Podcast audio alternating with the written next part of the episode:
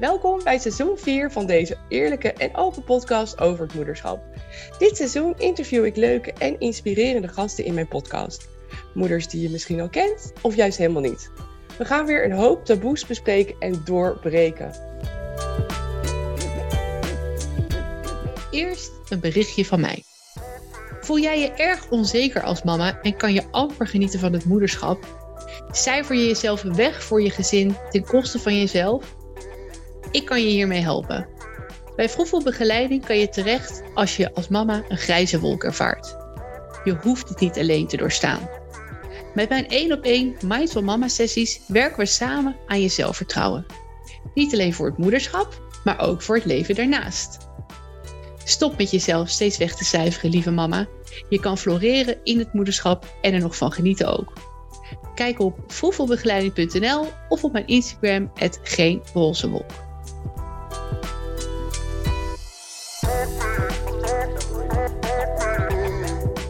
Vandaag heb ik Tineke van Opbergen te gast. Uh, haar Instagram name is uh, Safe with Mom. Tineke, welkom. Hallo. Hallo, fijn om hier te zijn. Dankjewel dat je hier wilde zijn. Ja, het, het is vrij bijzonder dat je uh, nu deelneemt hè, aan mijn podcast. Want momenteel um, ben jij opgenomen, heb ik begrepen. Ja, klopt. Ik ben al net meer dan drie maanden in opname in een moeder- en baby-eenheid in België voor postnatale depressie, samen met mijn dochtertje Aster. Ja, wat naar joh, dat je al zo lang opgenomen bent. Wil je daar wat meer over vertellen? Ja, zeker. Ik, ik vind het eigenlijk heel jammer dat, het, dat er maar zo weinig plaatsen zijn en dat er zo weinig eenheden zijn waar je terecht kan samen met je kindje. Ja. Uh, wij zitten hier met negen moeders momenteel. Uh, en de helft ook met een tweede kindje. Uh, net als ik. Ik heb ook een oudere dochter, Alix, dat thuis is met papa. Ja. Um, en hier krijgen we van alle soorten therapieën en opvolging. Van gewoon groepsgesprekken tot echt themabesprekingen. Tot gewoon dingen om connectie te maken met je kindje, zoals babymassage of gewoon een spelmoment. Er wordt ook gekeken naar de problematiek van de baby. Aster ja. was een huilbaby, dus zij, zij heeft ah. heel veel foute patronen in haar lichaam ontwikkeld. En met de hulp van een kinesiste dat gespecialiseerd is in baby's, um, kan zij nu kruipen, terwijl zij bij opname haar beentjes niet eens kon plooien. Mm, dus voor Aster is er heel veel verbetering. Voor mij is er al een hele hoop verbetering. Nou, maar dat snap ik. het gaat natuurlijk niet meteen weg. Nee. Het is niet dat de problemen fysiek aangepakt worden, dat alles weg is. Nee, dat snap ik helemaal. Nee, en ik, ik, ik vind het ook zo mooi dat je het zo open wil vertellen in deze podcast. Want ik denk hè, dat dit, dit soort dingen gebeuren natuurlijk niet zo vaak. Dat je echt zo'n een inkijkje mag hebben in het leven van een geen roze wolkmama. En hè, jij zei zelf ook, je bent open ook op je Instagram erover. En um, dus ik denk dat het heel goed is dat ook andere moeders dit horen, zodat ze ook uh, steun en herkenning daarin kunnen vinden. Ja, klopt. Dat is eigenlijk het, het grootste voordeel van de opname. Voor opname bij het intakegesprek zei ik dat ik absoluut geen opname wou, want ik heb natuurlijk Alex ook thuis. Ja, kun je mij een beetje maar... meenemen in dat proces daarvoor? Hoe ging dat, voordat je opgenomen werd?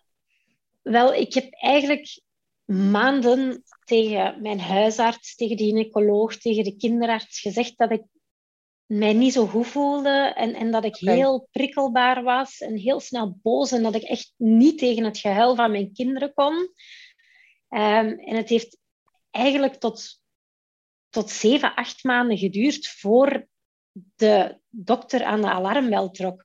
Jeetje. Omdat ze telkens dezelfde... Ja, ze vroeg telkens dezelfde vragen.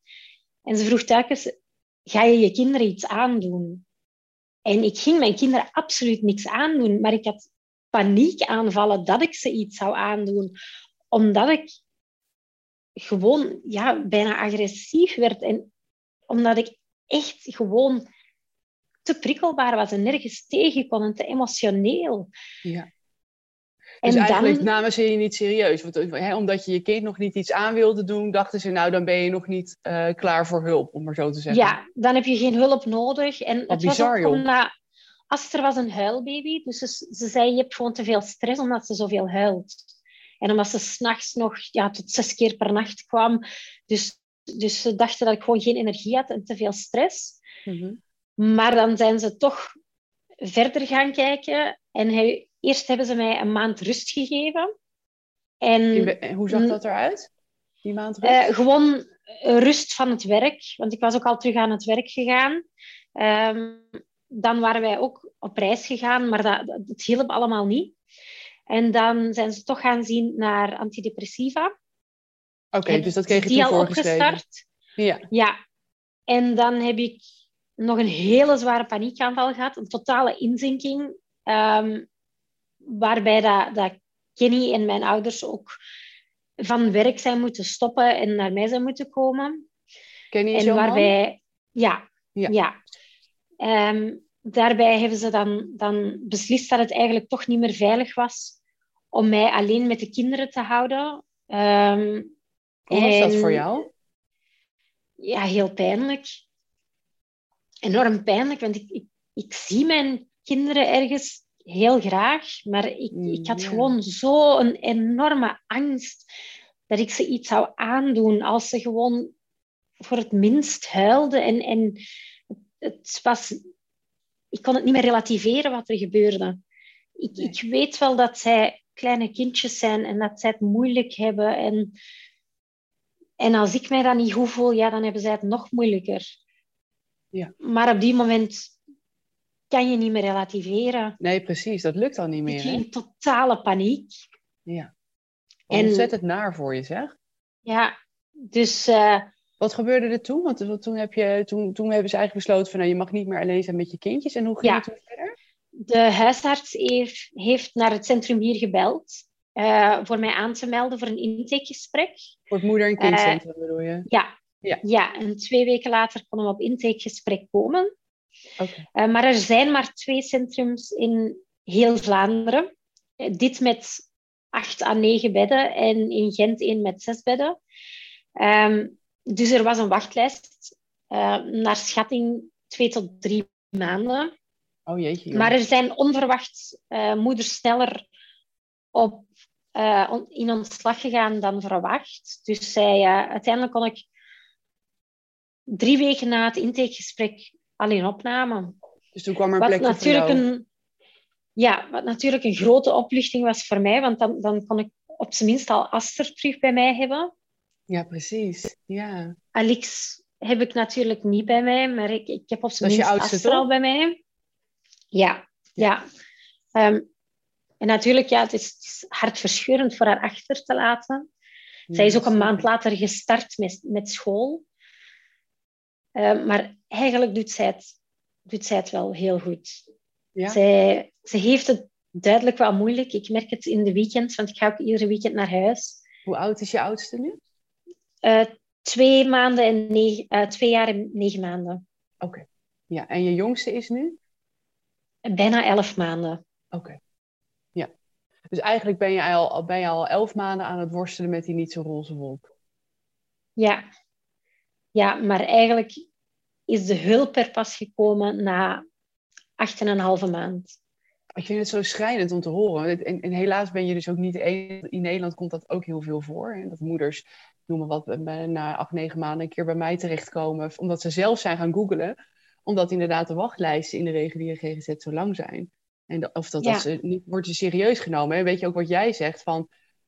Het wordt een beetje gebagatelliseerd. Hè? Dan gaan ze naar de huisarts en die zegt... joh, maar alle baby's huilen veel. Of eh, alle moeders zijn moe. Weet je, ja, dat helpt natuurlijk niet. Want Ja. jij bent dan, dan eindelijk aanbeland met je hele met je verhaal. En dat probeer je dan eindelijk te vertellen. Wat, je, wat de meeste moeders onwijs moeilijk en spannend vinden. En als het dan niet serieus genomen wordt, of je wordt gewoon weer naar huis gestuurd, ja, dan maakt dat de situatie eigenlijk alleen maar erger. Heb jij dat ook zo ervaren? Ja, klopt. Ja. De paniek werd gewoon groter en groter, totdat ik echt niks meer kon. Totdat ik echt alleen nog maar kon hyperventileren en, en bellen dat er iemand de kinderen kwam halen. Ja. De- ik- heb ook de, de paar maanden voor opname, ben ik af en toe gewoon het huis moeten uitlopen en de kinderen even ja, alleen binnen moeten laten, even de deur dicht trekken en, en gewoon even ja, tot mijzelf tot rust komen. proberen krijgen. Ja, ja, hoor ik vaker hoor. En, ja, het zijn van die dingen waar niemand over praat, hè? Ja, er lijkt toch nog wel ergens een, een soort schaamte of taboe rond te zijn. Want, Enorm, ja. Of mensen herkennen het zelf niet, omdat, omdat het een eerste kindje is of zo. Ja. Maar ik heb natuurlijk wel een eerste kindje gehad waar ik wel een roze wolk had. En daar, het verschil was zo enorm groot. Ja, snap ik. Dat het bij mij echt... Ja, de paniek werd maar groter en groter. En, en er leek geen hulp beschikbaar. Het lijkt dan ook zo uitzichtloos, hè? Dat je denkt, van, nou, ik doe zo mijn best om hulp te krijgen. Maar het lukt niet. Ja. En, en iedereen probeert het te relativeren, terwijl dat het bij mij absoluut niet meer ging. Nee, en ik begrijp wel enigszins waarom mensen dat willen doen. Hè? Want ze willen jou helpen en ze willen ervoor zorgen dat je je beter gaat voelen. En hè, dat je weer een soort van perspectief krijgt op de toekomst. Hè? Van het komt straks goed. Alleen dat is eigenlijk niet wat jij op dat moment nodig hebt. Jij hebt eigenlijk gewoon nodig dat iemand gewoon je vastpakt en zegt: hé, ik ben er voor je, het is oké. Ja, ja, klopt. Klopt. En, en in mijn geval, ik had ook meer begeleiding nodig. Ik had nog een, een verdriet van een kindje dat we daartussen verloren waren, dat, dat oh, nooit verwerkt is geraakt. Uh, want we zijn dat kindje verloren aan de start van de eerste lockdown voor corona. Dus, dus ik kwam het ziekenhuis uit en ik mocht niemand zien. Ik kon geen hulpverlening inschakelen op dat punt. Ik kon niks. Wat afschuwelijk voor jullie. Ja, en, en daardoor heb ik mij dan onbewust bij Aster volledig afgesloten. Ja. Bij die bevalling was ik ook gewoon blij dat dat kind eruit was. Niet dat mijn kind in mijn armen was, maar dat dat kind eruit was. Dat, dat is een heel, heel erg gevoel om dat, om dat zo te hebben over je eigen kind. Ja, dat snap ik heel goed. Had je zelf een idee waardoor het kwam dat je dat gevoel had van oké, dat kind is eruit in plaats van mijn kind is geboren? Ik heb heel veel stress gehad tijdens de zwangerschap door complicaties in de vorige twee zwangerschappen. Bij Alex had ik zwangerschapsvergiftiging, bij Lou, het kindje daartussen, zijn we het verloren. Dus, dus Mag ik vragen, ik had heel veel weken stress. jullie Lou zijn verloren? Twaalf weken en vier dagen ja, was het hartje gestopt en pas tien dagen later zijn we erachter gekomen. Oh jeetje joh. Het lijkt me ook zo, zo wrang, want je bent dan dat, dat, die twaalf weken mark ben je voorbij. Dus dan denk je nou, hè, we, we, we zijn in de safe zone aanbeland, om maar zo te zeggen. En Inderdaad. Dan als, en dan verlies je alsnog je kindje. Ja. Ja. En vooral mijn lichaam ging gewoon verder met de zwangerschap. Dus, dus ik was nog steeds hormonaal. Mijn buik ja, groeide, maar, maar het was alleen water. Het kindje groeide niet meer. Er was... Dus, dus ik heb heel veel stress dan gehad met de volgende zwangerschap. Ja, dat snap ik. Ook omdat je natuurlijk geen hulp kreeg bij die, bij die miskraam. Heb je natuurlijk... nee. nee. Dus dan neem je al dat onverwerkte verdriet eigenlijk weer mee in je derde zwangerschap. Ja, ja dus ik voelde als er ook niet zo echt in de buik bewegen, maar waarschijnlijk bewoog ze wel, maar heb ik het gewoon niet willen voelen. Of niet geregistreerd angst dat er zo. toch nog iets... Ja, ik snap het. Ja. Uit angst dat het weer misgaat. Ja, dus heel de zwangerschap zei ik, het zal wel beter als ik mijn kind veilig in mijn armen heb. Maar ja. dat was niet. Nee. Hey, en was dit iets wat je ook kon delen met je arts of verloskundige in die zwangerschap? Uh, tijdens de zwangerschap ja, maar dat werd dan ook gewoon ja, gestoken op het, het, feit dat we een kindje daarvoor verloren waren. En het zal wel beteren, want met dit kindje loopt wel alles goed, werd er dan gezegd. Dus eigenlijk werd het ook weer een beetje gebagatelliseerd. Ja, en daar kreeg ik ook dan rust voor geschreven. Dus aan het einde van de zwangerschap, ik heb bijna het hele derde trimester thuis gezeten. Uh, maar dat was dan ook maar eigenlijk al, al ja, een voorloper op de depressieve gevoelens dat daarna kwamen. Ja, precies. Voelde je het aankomen? Goh, achteraf gezien wel. Op dat punt eigenlijk niet, want op dat punt dacht ik, het is gewoon een zware zwangerschap.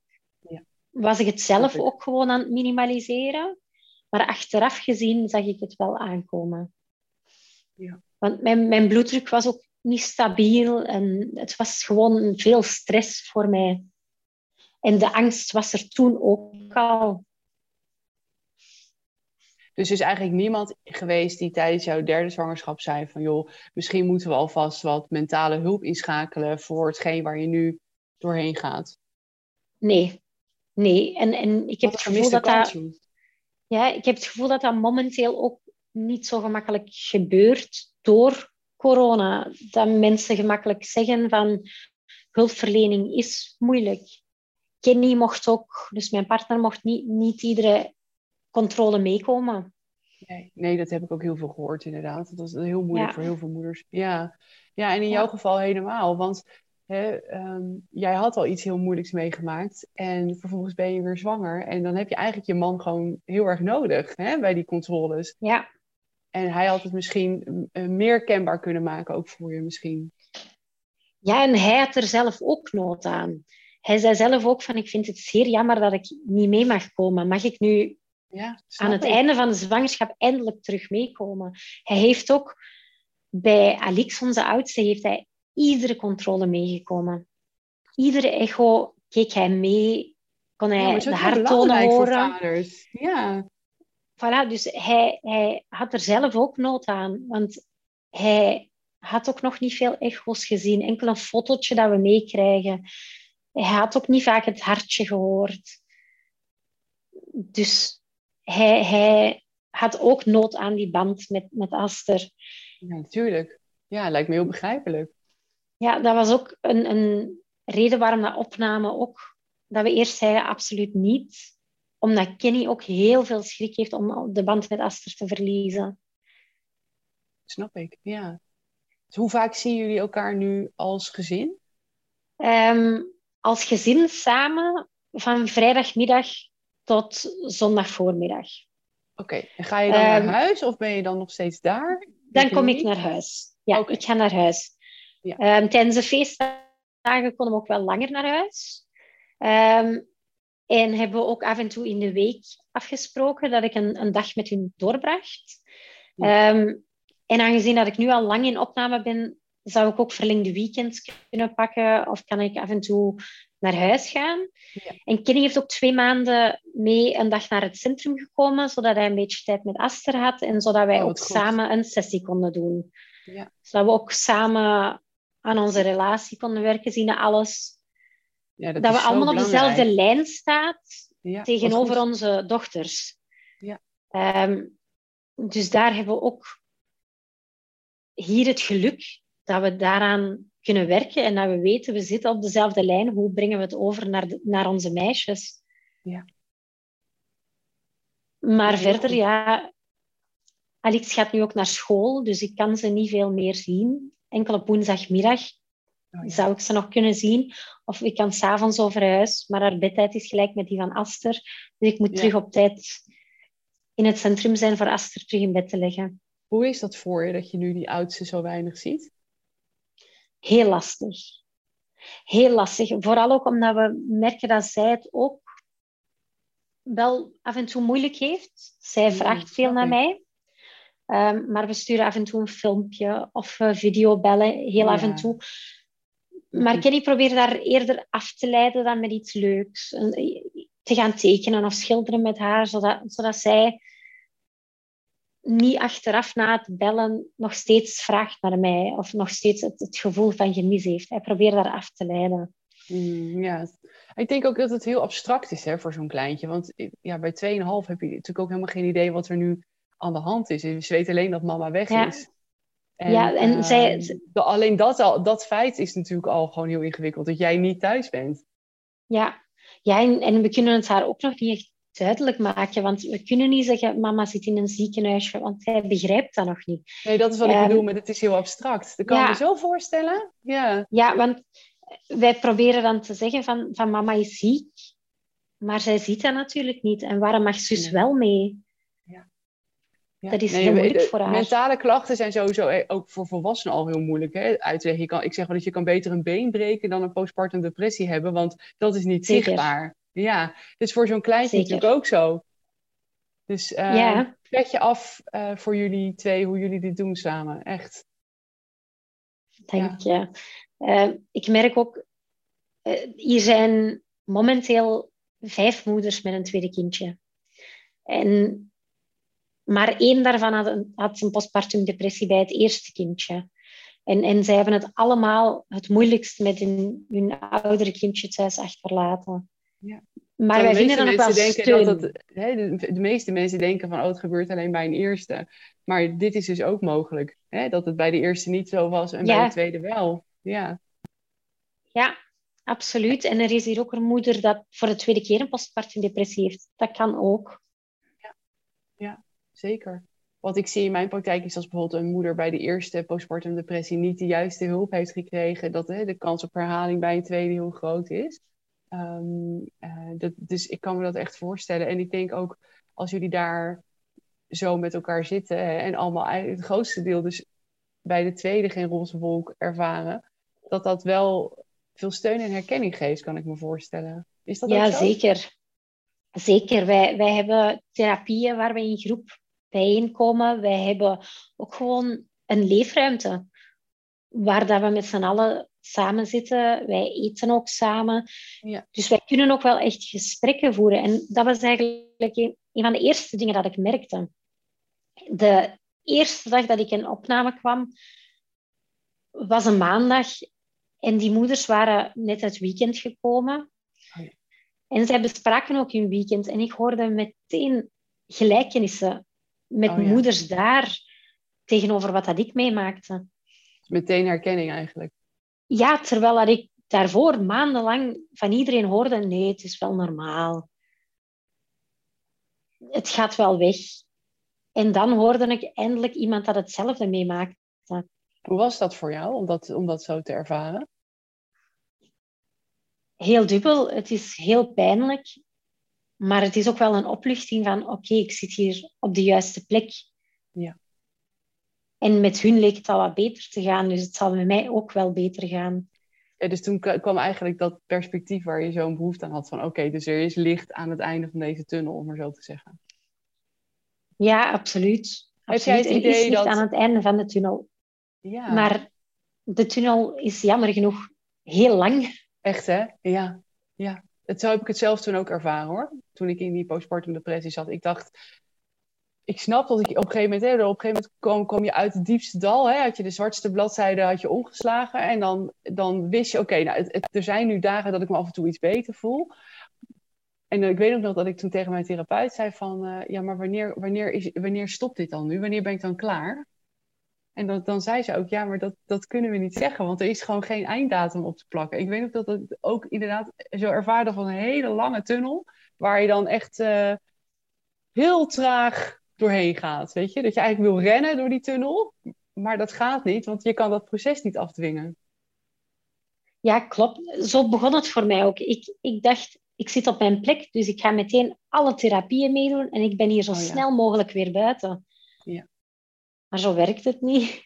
Nee, helaas. Maar hè. dan begin je te rennen en dan val je opnieuw en opnieuw. En je komt er wel terug uit iedere keer, maar, maar er zijn jammer genoeg zoveel kuilen in die tunnel dat je niet kan zien en dat je niet op voorzien bent. Maar gelukkig zit ik nu op een plek dat ik de hulp heb, de hulp krijg. Ehm, en misschien is het niet voor iedereen nodig, zo'n opname, want wij hebben hier ook moeders in dagopname. Wij hebben hier Oh ja. eh, er zijn ook moeders in thuisbegeleiding.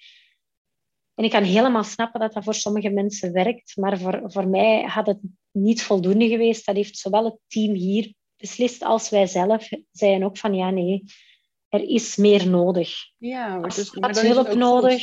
hoe moeilijk het Ja. ook is. Maar dan is dat gewoon hetgeen wat je nodig hebt. Ja.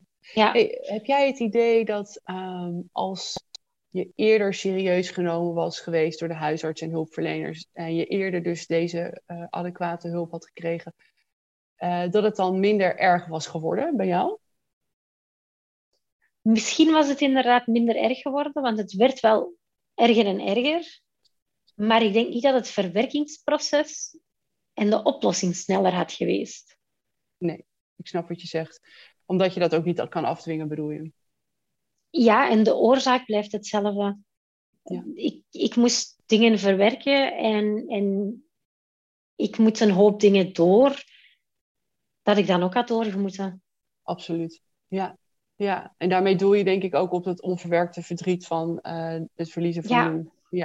Ja, Ja, klopt. ik kan me ook zo goed Klopt. voorstellen, want weet je, dat is zoiets zwaars en, en heftigs en verdrietigs om mee te maken. En als je dan geen goede hulp krijgt om je door zo'n proces heen te krijgen, dan, nou, dan is het ook meer dan logisch dat dat op een keer weer tot uiting komt.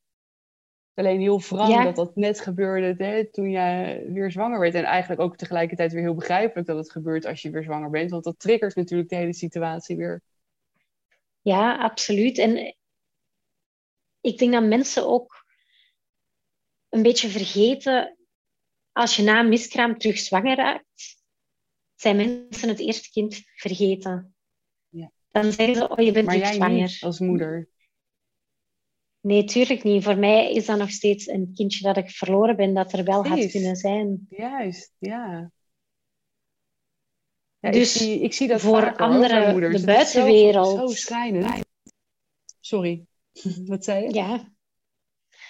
Nee, anderen vergeten het, het kind veel sneller dan, dan ik. Dus, dus voor mij zal dat ook eeuwig een deel van het gezin zijn dat, dat er niet is, maar, maar dat er wel op een manier geweest is. En bij hoort.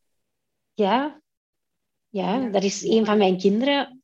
Ik kan het niet opvoeden, maar, maar het is er wel geweest. Absoluut. Ja. Wat mooi dat je En er zo ik- tegenaan kijkt nu. Ja, eh, ik kan nu ook zeggen van, kijk, ik, ik leg mij erbij neer dat Lou er niet is. En dat is oké, want misschien moest het wel allemaal zo lopen. Maar nu, nu werk ik aan de relatie met Aster. Ik, ik moet niet boos zijn op Aster omdat Lou er niet is, want dat heeft niks met elkaar te maken. Was dat zo aan het begin, toen je daar net zat? Dat je dat gevoel heel erg had? Dat je boos was op, je, op, je, op Aster omdat je, omdat je Lou was verloren? ik kreeg ergens wel dat gevoel, omdat ik niet echt het gevoel had dat ik een relatie met Aster had. Ik had Aster niet kunnen voelen in de zwangerschap. Ik was eerder opgelucht dan blij wanneer ik beviel. Dus ik, ik, had zo'n beetje een, een gevoel van... Ja, had het toch maar een ander kind geweest, dan, dan had het misschien niet zo moeilijk geweest. Ook omdat Aster een, een huilbaby was en reflux en koemelkallergie. Eh, Het is geen gemakkelijk kind, maar, maar dat, het is een prachtig kind. Maar het, het, het was heel moeilijk te zien dat het mijn kind was. Ja. Het was moeilijk om het te voelen. Het, het deed gewoon ook pijn om het te voelen dat dat mijn kind was. En nu kan ik zeggen, ik ben trots op Aster. Wat mooi. Wat dat zij allemaal geleerd heeft in de afgelopen maanden is echt zo mooi. Zij, zij kon zitten en dat was het. Zij rolde niet eens. Zij kon niks. En nu stapt ze achter een loopwagen vanaf haar tien Ah. maanden. Zo jong. En, en zij kruipt. En zij doet zoveel. Dus ik, ik Ja. kan trots zijn op haar. En ik kan zeggen, dat is mijn kindje. Maar het, het is nog steeds, jammer genoeg, voelt het nog steeds anders dan de oudste. Ja, ik snap het. Maar ik, ik moet ook gewoon ja, leren om ze niet te vergelijken. Het zijn twee Ja, andere maar dat is, kinderen. natuurlijk heel, dat is natuurlijk heel moeilijk. Want uiteraard ga je vergelijken. Dat, ik ken Ja. eigenlijk geen enkele moeder die dat niet doet. Ook moeders die wel op een roze wolk zitten, die vergelijken ook altijd de oudste met de jongste. Of hè, als je er meerdere hebt. Omdat je, ja, je hebt ze zelf gemaakt. Dus ze komen met dezelfde genenpool. Dus je gaat toch vergelijken. Ehm, Ja, Dus het lijkt me ook zo logisch dat je toch vergelijkt. Hè? Ook, al, doe- ook al wil je dat niet, dat doe je automatisch toch. Ja, tuurlijk. Ik doe het automatisch en ik denk iedereen wel ergens. Maar het, het, het ding is dat het bij mij dan een verdrietig gevoel oproept. Precies. En dat is het verschil. Ja. Ja, Ja, ik snap het. Hey, en eh, wat je net zo mooi zei hè, over ehm, andere, andere mensen vergeten het kindje wat jij bent verloren, maar jij als moeder natuurlijk niet. Ik zie dat ook veel in mijn praktijk. Ik zie bijvoorbeeld moeders die nou, soms al zes, zeven miskramen hebben gekregen bijvoorbeeld. En die dan toch weer opnieuw zwanger zijn. Ja, dat, dat als het dan dus die, die zeven of achtste keer lukt en het kindje hè, het blijft zitten en het gaat goed. Dan is dat ook altijd een hele beladen zwangerschap. Want ja, je denkt aan al die andere kindjes die je bent verloren. En, en hè, hoe, hoe die kindjes hadden kunnen zijn. En dat, is, dat, dat blijft enorm ingewikkeld voor deze moeders. Uh, maar ook omdat er inderdaad door de maatschappij soms vrij makkelijk overheen wordt gesteld. Van ja, maar ja, oké, dat was toen en nu ben je zwanger en hè, nu gaat het allemaal goed. Zo ik denk, ja, zo makkelijk is dat natuurlijk helemaal niet. Het is iets wat een gigantisch verwerkingsproces wat daar nog aan vooraf gegaan is. En soms is dat dus, is dat, heeft dat helemaal niet plaatsgevonden, net als hoe het bij jou ging. En is het tijdens dan de zwangerschap waarbij het kindje het wel hè, blijft zitten en het goed doet, wordt het toch ineens problematisch omdat moeder vastloopt, bijvoorbeeld. Ja, absoluut. Het, het, er moet eigenlijk meer aandacht voor komen in de zwangerschap en ook voor de zwangerschap bij, bij een miskraam. Dat is zo, zo zwaar. Het is, ja. het, is het overlijden van, van een kindje en de moment dat je weet, weet, dat je zwanger bent, dan denk je ook aan een toekomst. Dan, dan stel je een toekomstbeeld op met dat kindje. Tuurlijk. En als dat, dat niet kan, blijf je maanden, jaren, misschien heel je leven wel afvragen, hoe had dat kindje geweest? Ja, ja snap ik zo goed. Ehm, ik denk dat, dat iets is wat altijd bij je blijft. Hè? En, en wat je zegt, er moet veel meer voorlichting voorkomen. Al, eh, misschien al voordat je zwanger bent. Hè? Dat, dat, je, dat, dat er meer kenbaarheid wordt gegeven aan, oké, je wil straks zwanger worden. Ehm, dit zijn de opties hè, die kunnen gebeuren. Het kan goed gaan, maar ja, het is, er is volgens mij volgens statistiek is één op de drie zwangerschappen eindigt in een miskraam. Dus, maar ik, denk dat er heel vaak wordt gedacht van, oh, maar daar willen moeders niet over nadenken tijdens de zwangerschap. Of hè, dat, want ze willen zich alleen maar happy voelen en aan leuke dingen denken. Ja, dat, dat, is heel, dat is leuk bedacht, maar dat is natuurlijk niet hoe het werkt in de realiteit. Want er kunnen zoveel dingen gebeuren uh, voor, tijdens en na je zwangerschap die moeilijk zijn. Dat juist denk ik, hoe meer we daar open over praten met z'n allen en hoe meer daar uh, taboes in worden doorbroken, hoe makkelijker het ook wordt om voor die moeders om straks aan de bel te trekken en te zeggen, joh, ik voel me niet goed. Help me alsjeblieft. Ja, absoluut. Uh, niet alleen de moeders, maar ook de hulpverleners zouden eigenlijk over de mentale gevolgen en, en de mentale problemen meer inlichtingen moeten krijgen. Want Absoluut. Ik, ik merk dat ze over het lichamelijke zijn zij natuurlijk allemaal mee. Daar hebben ze voor gestudeerd, dat kennen ze allemaal. Maar het, het mentale is soms... blijft toch nog een beetje achterwege. Ja. ja Gebeurt er iets, dan, dan is er toch een, manier van aanpakken of, of, is er een kans dat er iets misgaat, wordt het vaak ja, in medische termen zo gezegd, maar mhm. ja. dat komt hard binnen. Ja, enorm. Dat snap ik. Ja, ik, ik zie bijvoorbeeld ook bij moeders in mijn praktijk die zeggen dan ja, ik was bij de huisarts of bij de verloskundige of uh, consultatiebureau. En ik heb echt geprobeerd hè, om duidelijk te maken dat het niet goed met me ging en dat ik hulp nodig had. Maar dat het inderdaad heel erg of gebagitaliseerd werd. Zo van ja, maar ja, wat, we eerder al bespraken van ja, uh, alle moeders huilen veel. Of uh, ja, weet je, e, elke mama is onzeker. Nou, noem het op. Al die dooddoeners. Maar of dat, dat er meteen met medicatie wordt begonnen. Hè? Dus dat ze dus alleen aan symptoombestrijding. Dus dan krijgt moeder bijvoorbeeld antidepressiva of slaapmedicatie of Comeris-tabletten. Terwijl daarmee pak je de wortel van het probleem er helemaal niet uit. Dus ondertussen ja, kabbelt dat gewoon door. En dat is natuurlijk veel belangrijker nog om aan te pakken. Het symptoom of de oorzaak van het probleem aan te pakken. En, helemaal niks slechts over medicatie. Want als je het nodig hebt, heb je het nodig. Daar is helemaal niks mis mee. Maar probeer ook hè, als hulpverlener inderdaad te kijken naar... Goh, maar wat heeft deze moeder nog meer nodig behalve medicatie? Hè, dus therapie of een goede psycholoog of een coach of noem het op. Zodat er inderdaad aan de onderliggende oorzaak ook iets gedaan wordt. Ja, klopt. Um, hier, eh, voor mijn opname, werd ook meteen medicatie opgestart. En eigenlijk daarna werd pas bekeken welke opties er waren voor therapie. Precies, dat bedoel ik. Ja. Dus de medicatie is eigenlijk alleen maar om te zorgen dat de symptomen genoeg onderdrukt worden om te kunnen relativeren en te kunnen werken aan de oorzaak, aan het probleem. Ja. Want de medicatie zelf, ja, stop je, dan is, dan is het probleem er nog steeds. Absoluut. Dat is tijdelijk, maar dat neemt niks weg. En ik, ik, wij hebben hier ook echt een breed aanbod van wat allemaal gegeven wordt voor ons. Het, het is therapie, voor ons, therapie voor de relatie met het... Ja, ja. Uh, maar evengoed gewoon voor ons lichamelijk weer beter te voelen. Wij doen fitness nu. Dat is niet echt fitness, maar dat is gewoon in beweging blijven. Wij doen relaxatie, wij doen heel veel. Dat eigenlijk gewoon de basisbehoeften een beetje terug aanwakkert. Wij, wij hebben één dag dat we gewoon koken. Koken met ons kindje bij, dat is gewoon een therapie. Dat, dat is iets goed. waar dat, wat dat eigenlijk als standaard wordt gezien, maar hier gebeurt dat met begeleiding. We gaan samen naar de winkel, we, gaan, we doen dat samen als groep. Want om eerlijk te zijn, ik ging niet meer naar de winkel. Ik kon geen winkel meer aan. Zeker niet als er een kind bij me zijn. Te veel prikkels bedoel je? Ja. ja. Het, het ging gewoon niet meer. Dat, ik kreeg al angst van te denken dat ik een kind in een winkelkar moest zetten. Ik hoor dat best dus, vaak, hè? dat moeders dus dit soort dingen heel moeilijk vinden. Dus, uh, of want wat nou als mijn baby gaat huilen bijvoorbeeld? Of wat jij zegt, hè? het idee alleen al dat ik die prikkels aan moet en mijn kind in een in winkelwagen moet zetten, is eigenlijk al te veel. Ja, en wat als mijn kind plots honger heeft of, of plots een luier moest verschoond hebben?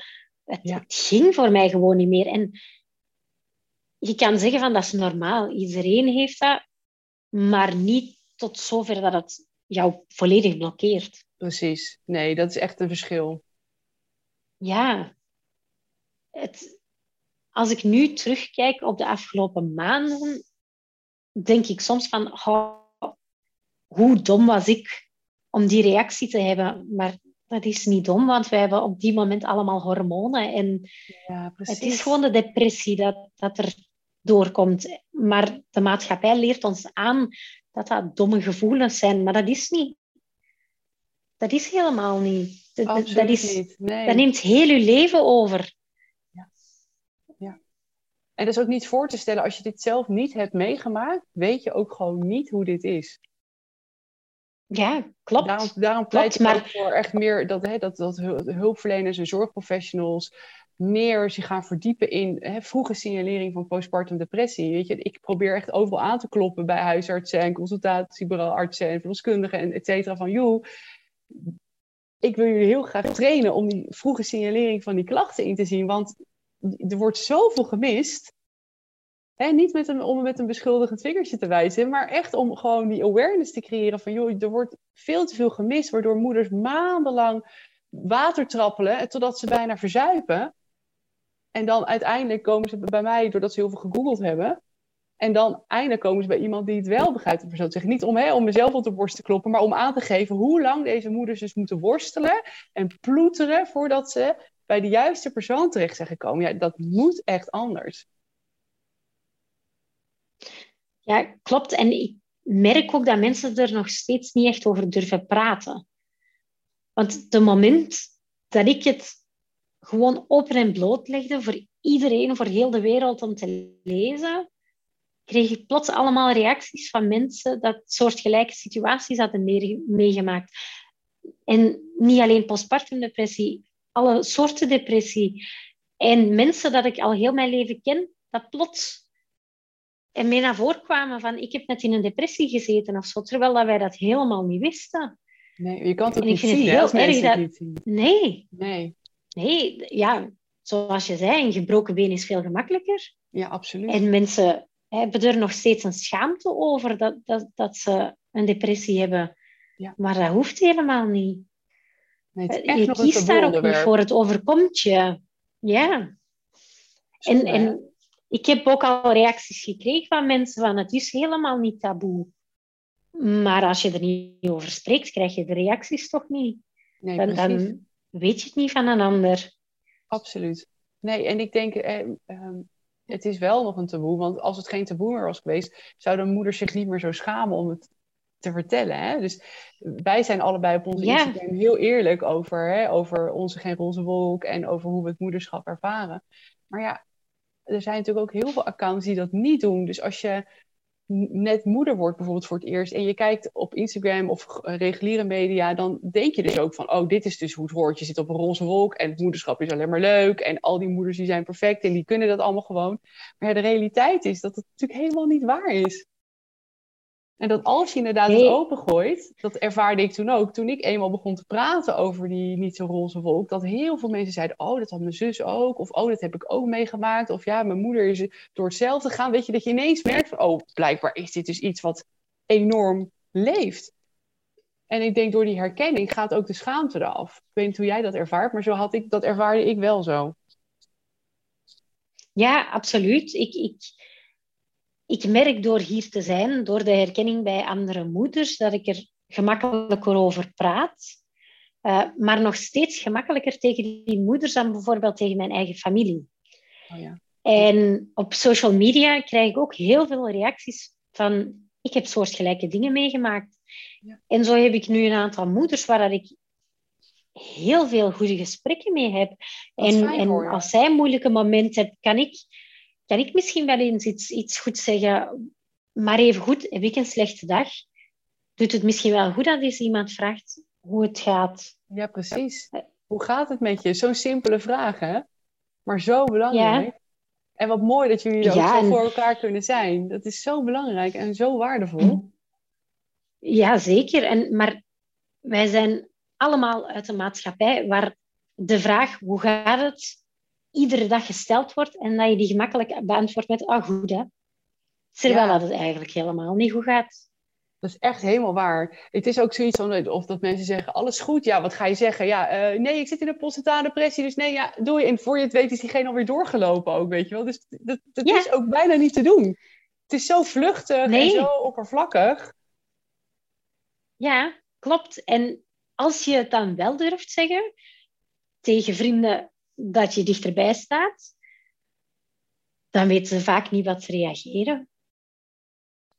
Dan kunnen ze ook niet veel reageren, maar gewoon het feit dat ze luisteren is vaak al voldoende. Ja. Ja. Dat ze gewoon af en toe eens een berichtje sturen. Hoe gaat het met jou? Dat is al voldoende. Ja. Een voiceberichtje inspreken bij elkaar. Ja, ja, ja. Nee, ik denk dat dat heel goed is. En het, ik denk dat ook hè, voor als mensen luisteren en die hebben bijvoorbeeld een geen roze wolkmama in de omgeving.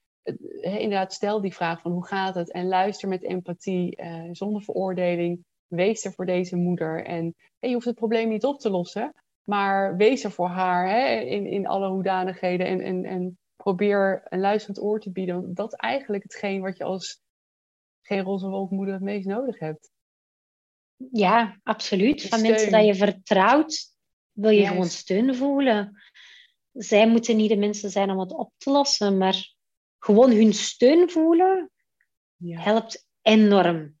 Dat kan energie geven, terwijl je op dat moment niks energie hebt. Precies, dan krijg je toch weer even een kleine boost. Ja. Ja.